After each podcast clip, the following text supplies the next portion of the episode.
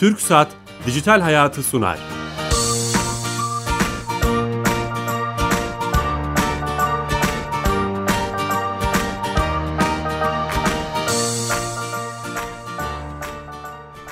Herkese merhaba, ben Bilal Eren. Teknoloji, internet ve sosyal medyanın hayatımıza etkilerini konuştuğumuz Dijital Hayat'a hoş geldiniz.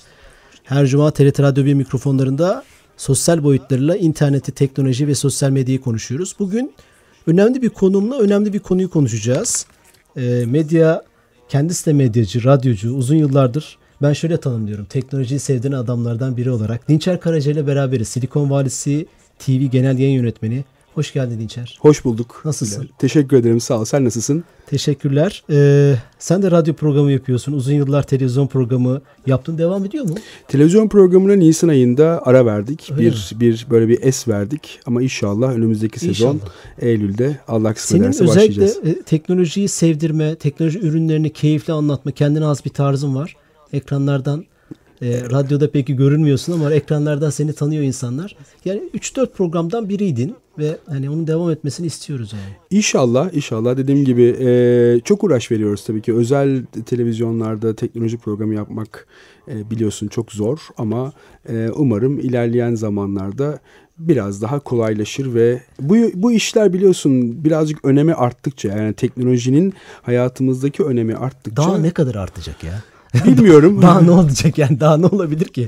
Şimdi şöyle bir etkilemeyen ben... birey, toplum, makine evet. mi var yani internet hani insanları geçtik, makine mi var? O kadar hani dominant evet. bir halde ve artık güvenliğimizi işte Doğru. siyasetimizi, ilişkilerimizi belirleyen halde biz niye bu özellikle bu programda bunu da sorguluyoruz. Hı hı. Sorgulamaya çalışıyoruz, gündem yapmaya çalışıyoruz. Yani e, e, internetin ve teknolojinin bu kadar dominant olduğu, belirleyici olduğu bir dönemde bize daha çok yer verilmeli. Biz derken şahıs olarak değil, tabii, konu tabii. olarak söylüyorum. Tabii, tabii, tabii. Aynen ben biz savaş veriyoruz yani. E, biz zaten hani teknoloji program yapımcıları ve sunucular olarak birbirimizi her zaman destekliyoruz. Ee, ben de çok isterim sen de televizyon programları yap. Daha fazla hatta başka arkadaşlarımız da yapsın. Her kanalda bir teknoloji programı. Vardı eskiden değil mi? Daha da çok. Çok da yani benim başladığım zaman da yoktu. Ben 2000'li yılların başlarında başladım. O zamanlar bir Teknoloji Channel isminde bir kanal Aa, açılmıştı. İlk orada aslında stajımı yaptım diyelim. Orada başladım. 99-2000 gibi. O dönemde radyoya başladım. Ee, bir bilişim radyosu kurulmuştu Türkiye'de o zamanlar. Ee, bilişim radyosu ve bilişim televizyonumuz vardı o zamanlar. E, maalesef şimdi ikisi de kalmadı. E, ta 2000'lerde vardı. E, biz oradan yetiştik. Sonra ben işte diğer kanallara geçiş yaptım. E, bir dernek mi kursak acaba? Teknolojiyi gündem yapanlar e, derneği, acaba, yapmak isteyenler Ya derneği. aslında çok güzel bir konuya e, parmak bastın. Çünkü gittikçe teknoloji hayatımıza girdi. Şimdi daha fazla girdi. Ama o zamanlar bir değişiklik vardı. Ondan bahsetmem gerekiyor. E, o etrafta bir teknoloji market ya da insanların ürünleri görebileceği herhangi bir yer olmadığından dolayı e, biz televizyonda bir şeyler gösterdiğimizde insanların ilgisi daha fazlaydı. Yani yeni bir ürün çıktığında hmm. televizyonda bunu gösteriyorduk ve insanlar ilgiyle seyrediyordu. Çünkü başka görecekleri yer yoktu. Ama şimdi artık gerek internet olsun. O zamanlar internet bile yoktu. Yani ben Aa, ilk doğru. 2000'li yılların başında evet. internet iyi bir şeydir kullanın diye anlatıyordum. e, dolayısıyla şimdi internet var. E, teknolojik marketler var. insanlar görüyorlar, dokunuyorlar, okuyorlar. E, bizim televizyondaki tarafın artık o ürün incelemeleri kısmının artık bitmesi gerekiyor. En son dönemde yapmış olduğum televizyon programında da zaten gittikçe bunun e, kısmını yani program içerisindeki bölümünü kısalttım. E, muhtemelen bir sonraki programda hiç koymayacağım. Çünkü gerek YouTube'da gerekse diğer kanallarda de yani internet kanallarında e, artık fazlasıyla bu işler yapılıyor.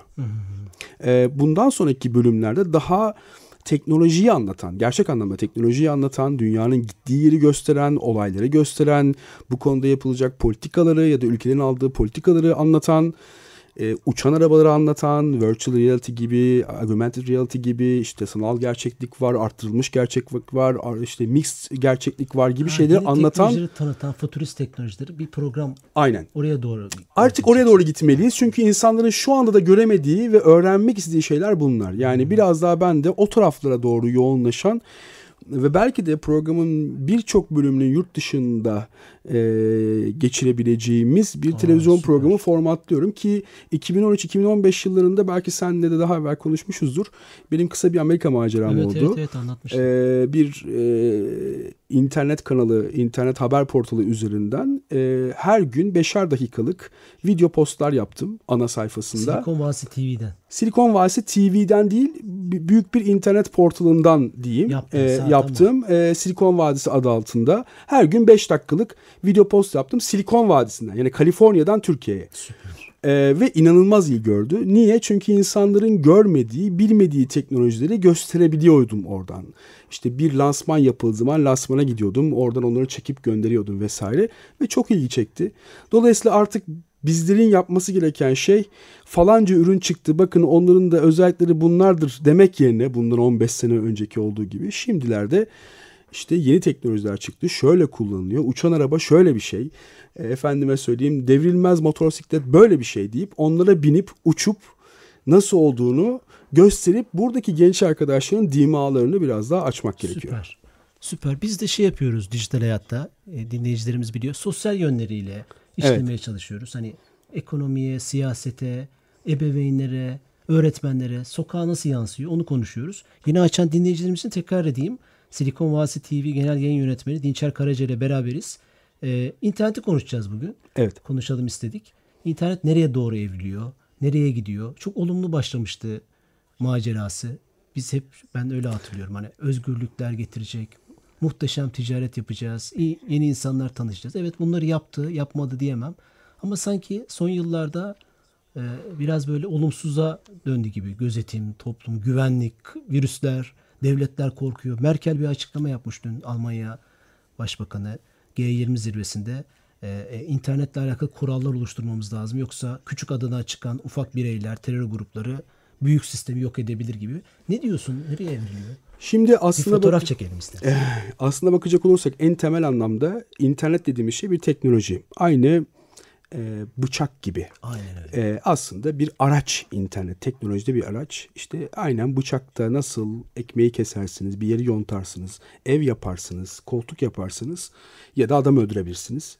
E, bu da benzer bir durum. İnternet e, iyi amaçlar için kullanıldığında süper bir şey. İnsanların hayatını kolaylaştıran bir şey. Ancak gerek sosyo e, yani sosyolojik anlamda insanları olumsuz bir yöne doğru götürüyor. Doğrudur.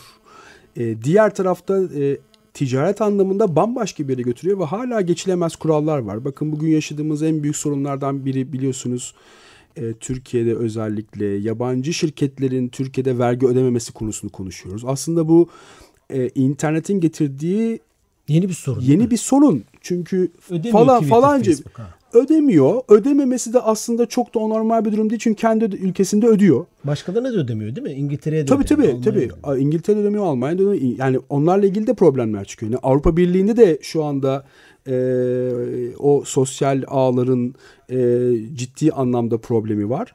Ama işte dediğim gibi bu bir yeni bir sistem. Bu bir internet sistemi ve internet sistemi olduğu için de yeni bir ekonomik düzen getirilmesi gerekiyor bahsettiğinde çok doğrusun Merkel'in açıklamalarında. E, o işin güvenlik kısmı ile ilgili söylemiş ama hem güvenlik tarafında yani savunma teknolojilerinde hem de e, ticari tarafta, ekonomik tarafta yeni kuralların getirilmesi şart. E, bu iş için firmalar ya, Türkiye'de mi olacak? Nasıl olacak acaba?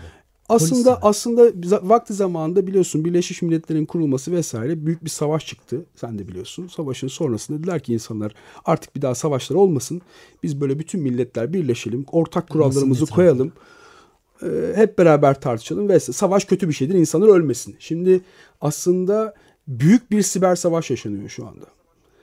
Yeni para birimi çıktı gittikçe yükseliyor değeri. Her geçen gün biraz daha artıyor. Ve onun arkasından gelen yeni para birimleri de var bu arada. Yani sadece Bitcoin'den de bahsetmiyorum. Başka para birimleri de geliyor.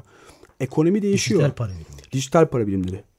Ee, onun dışında e, ekonomik düzenin dışında sivil e, siber savaşlar taraf, tarafında da çok büyük bir savaş var. Ne olduğu belirli olmayan gruplar, hangi milletin adı altında olmadığını bilmediğimiz gruplar e, ülkelere büyük zararlar veriyor ekonomik anlamda. Hatta sosyal anlamda. Yani biliyorsun işte WannaCry'da İngiltere'nin bütün hastaneleri bir anda işlemez hale geldi. yaşadığı, önce yaşadığımız şey. Aynen öyle. Yani Mayıs'ın ortalarında yaşadığımız olay.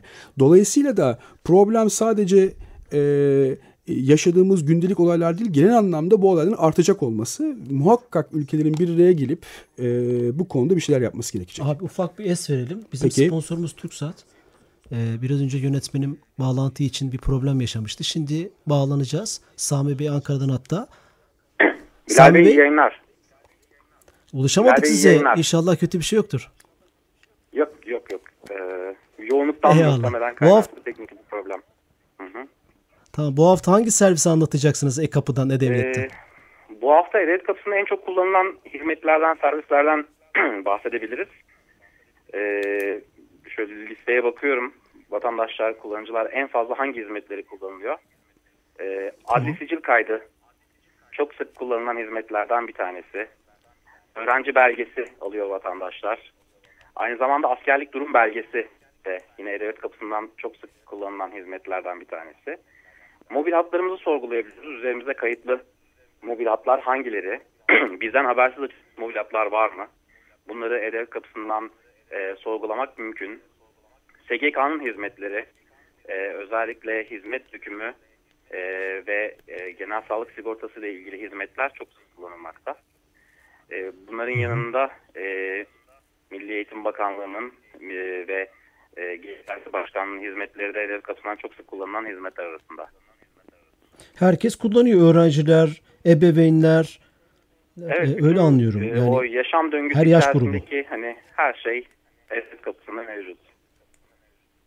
süper. Bu bilgiler için teşekkür ederiz. Ben teşekkür ederim. İyi yayınlar. Sağ olun. Tüm ekibe selamlar. Evet. Evet Sami Bey'e bağlandık TürkSat'a. SGK adli sicil, adli, adli sicil kaydı pardon. Öğrenci durum belgesi, mobil hatlar bayağı bir servis kullanıyor Türkiye Gov.tr'de. Aslında çok güzel bir e, e, uygulama E-Devlet Kapısı. Hepimizin de işine çok fazla yarıyor. Özellikle de acil bir şey gerektiği zaman. Hatta ben UYAP bağlantısını bile çok yani başarılı buluyorum. Çünkü insanlar kendileri hakkında bir dava açılmış mı açılmamış mı ne olduğunu bilmiyor ki size telefonunuzda da o şey kombine çalışıyor. Yani bir şey olduğu zaman telefonunuzda da SMS geliyor vesaire. Hem şirketsel bazda hem kişisel bazda. Çok çok güzel bir hizmet Evet, ve evet. çok da güzel Evet. çalışıyor. Aynen öyle, aynen öyle. Abi çok harar- hararetli konuşuyorduk. Birinci bölümde internetin nereye evrildiği ile ilgili yeni açan dinleyicilerimizin tekrar edeyim. Dinçer Karaca ile beraberiz. Silikon Vadisi TV Genel Yayın Yönetmeni. Bireylerden, gruplardan, işte terör gruplarından bahsetti ve onların internet için bir tehlike oluşturmaya başladığını söyledi. İnternet bu anlamda bir kötü bir fotoğraf vermeye başladı. Ya, e, kullanım alanına Kullanım aslında alanı. buna bir kötü bir fotoğraf demeyelim. Çünkü bu sefer de biraz haksızlık etmiş oluruz. Aslında kötü olan şey internet değil. Kötü olan şey kullanım tarafı. Ee, yani araba kullanımı gibi. Belirli kurallar olmak zorunda. Yani biz kocaman bir yol yaptık. Arabalarımızı çıkarttık. Arabalarımız çok lüks, çok güzel. Şimdi bu servislerden de bahsediyorum. Mesela bunları da internet sayesinde halledebiliyoruz. Biraz önce bahsettiğin servisleri. Ee, ama henüz trafik kurallarını tam olarak koyamadık. Trafik kuralları koyulmadığı zaman ne oluyor? İşte kazalar, ölümler vesaire bunlar gerçekleşiyor. Şimdi yapılması gereken şey tüm dünyada geçerli. Sadece Türkiye ile ilgili değil. Tüm dünyada geçerli trafik kurallarının Kim koyacak konulması.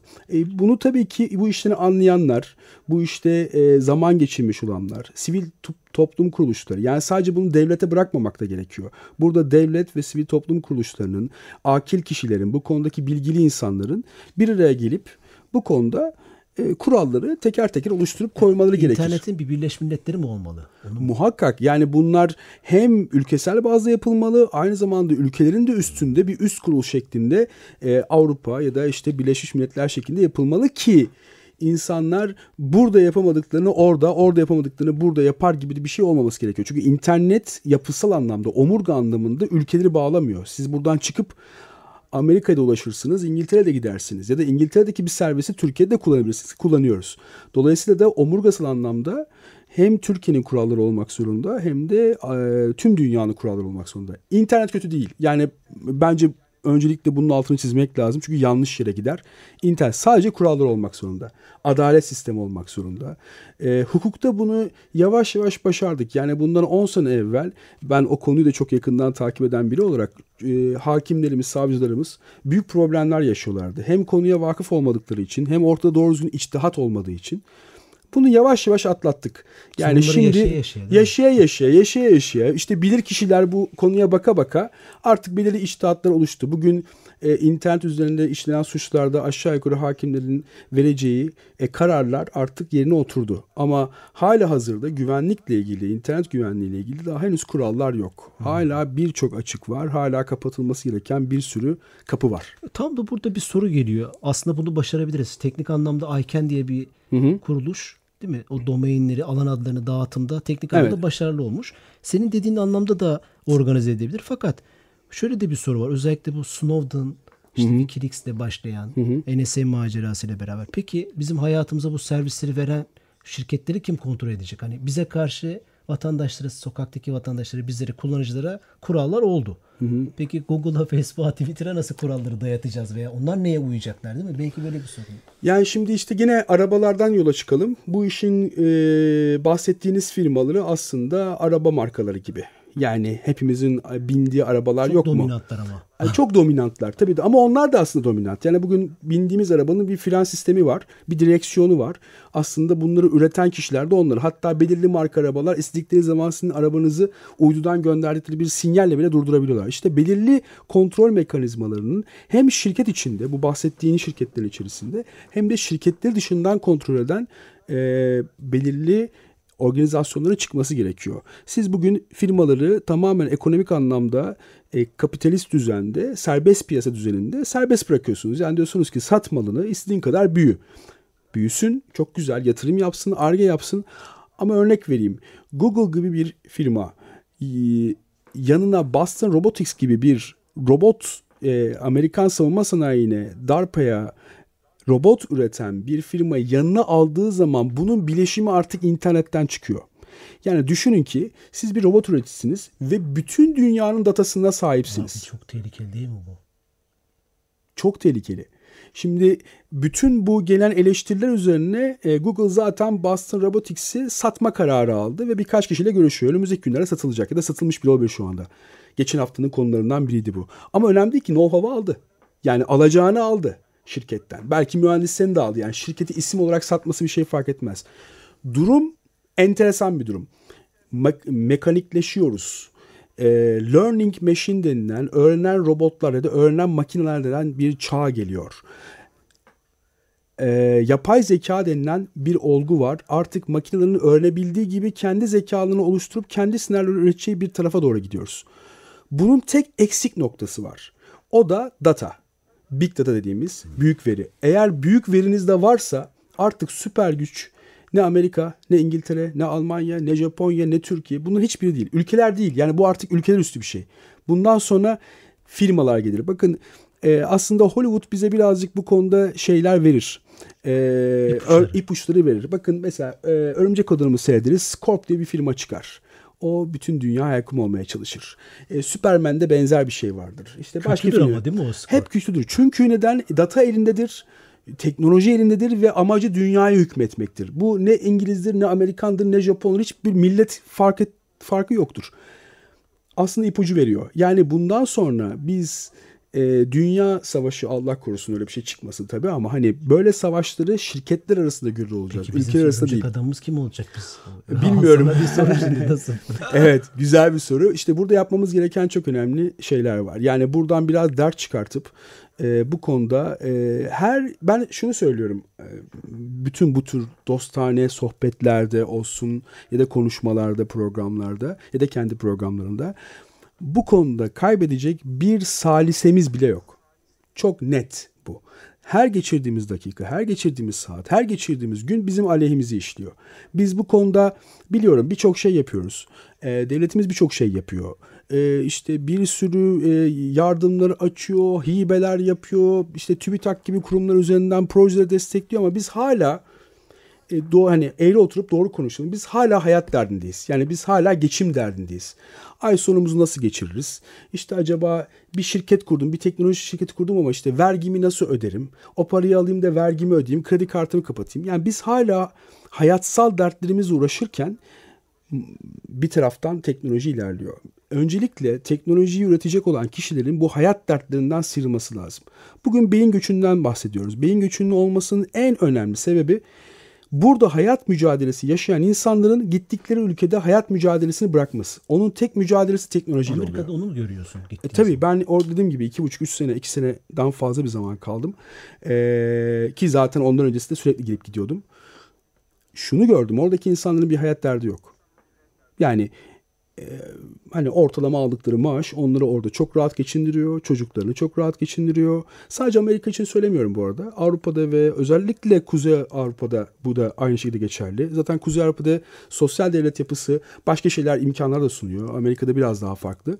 Ama ama Avrupa'da ama Amerika'da buradan giden bir beynin yaşam derdi bitiyor.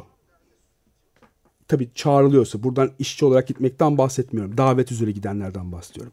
Dolayısıyla artık o kişi kredi kartı düşünmüyor yani. Evet. Zaten şunu söyleyeyim kredi kartı kullanılmıyor bile. Yani ben ne Amerika'da ne de Kuzey Avrupa'da kredi kartı kullanmadım, kullananı da görmedim. Ne kadar parası varsa o kadarla yaşarsın.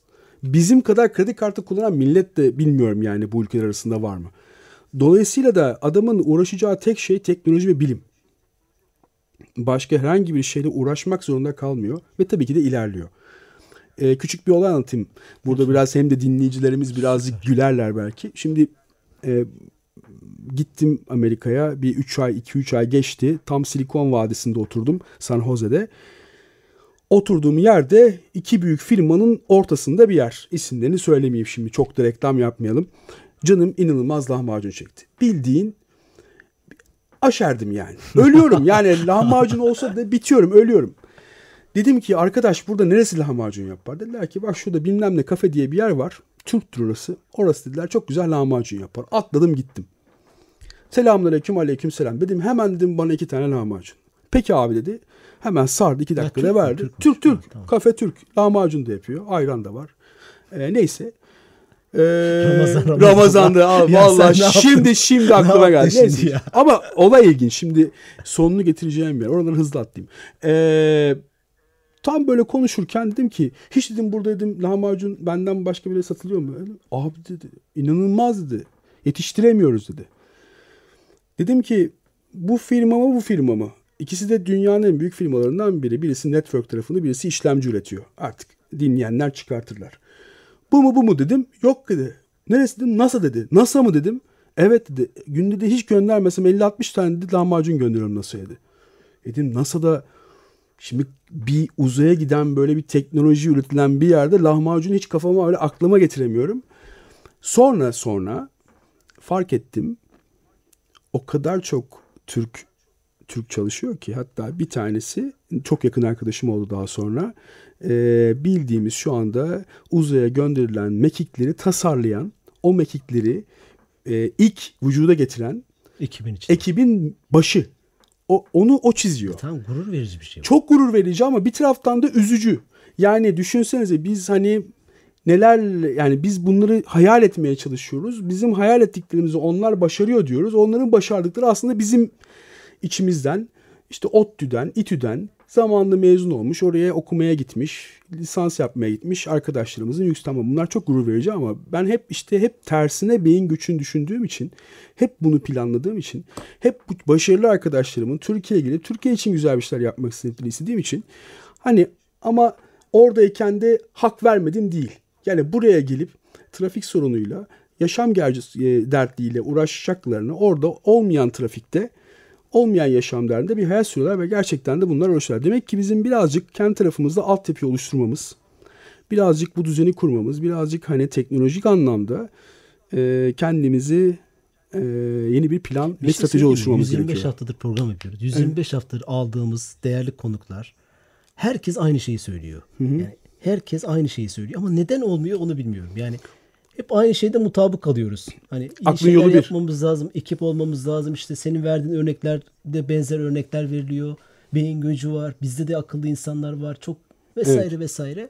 Ama sonuçta e, sonuçta bu bizim vereceğimiz farkındalık zamanındayız şu an. Farkındalık. Aslında aslında Belki evet. E, bir de dediğim gibi boş şeyler de yapılmıyor. İşte bugün dünya, şey dünyanın diyecektim. Türkiye'nin birçok yerinde işte bilişim vadileri, e, teknoloji merkezleri kuruluyor. Geçtiğimiz günlerde Ankara'da şey İzmir'de Özler'in bir e, Teknokent'e gittim. Çok güzel yapılmış. Aynı Avrupa'dakiler, Amerika'dakiler gibi çok güzel yerler yapılıyor. Arge insanlar artık İstanbul'dan, Ankara'dan, özellikle İstanbul'dan Arge merkezlerini Adana gibi, e, Antalya gibi, İzmir gibi daha sahil şeridi, daha böyle yaşamın rahat olduğu bölgelere doğru kaydırmaya başladı. Özellikle ARGE taraflarını, satış tarafı demiyorum. Gene e, ekonomi burada döndüğü için onu yapamıyor ama en azından ARGE'ci arkadaşlar oraya doğru gidiyor. Bu bizde bir ilerleme sağlayacaktır.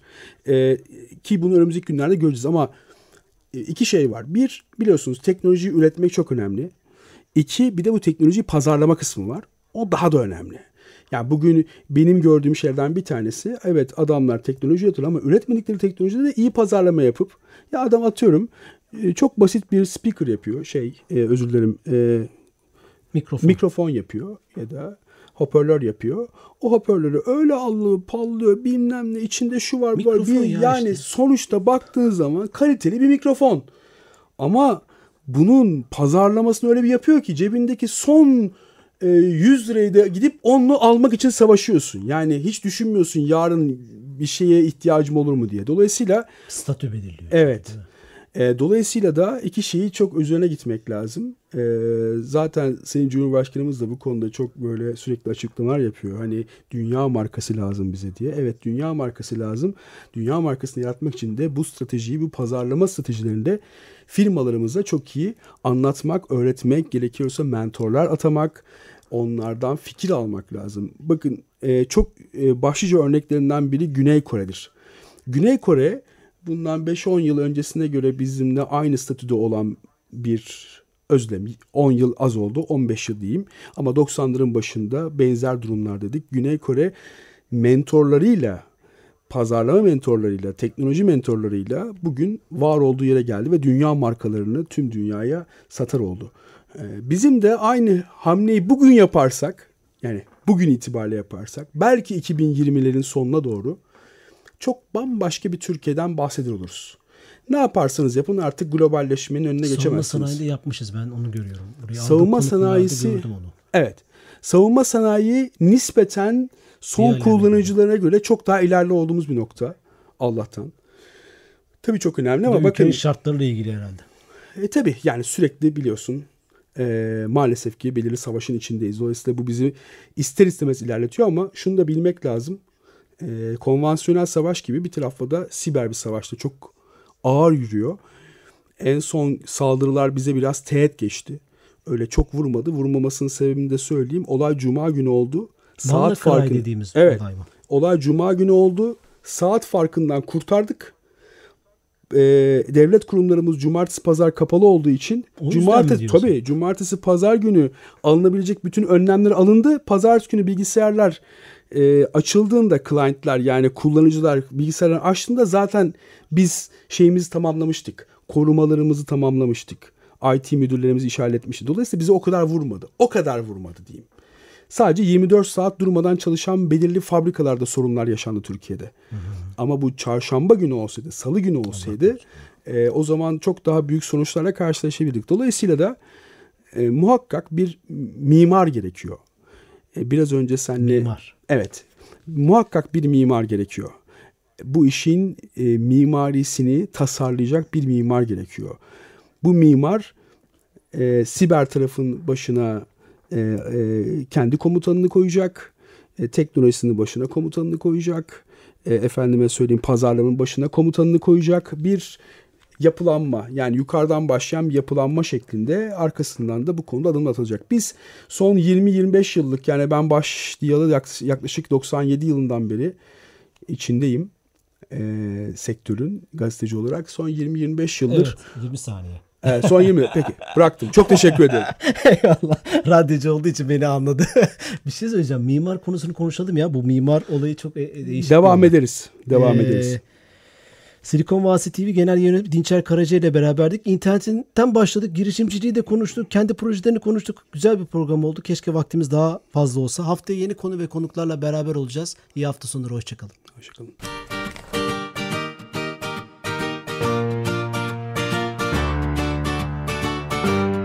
TürkSat Dijital Hayatı sondu.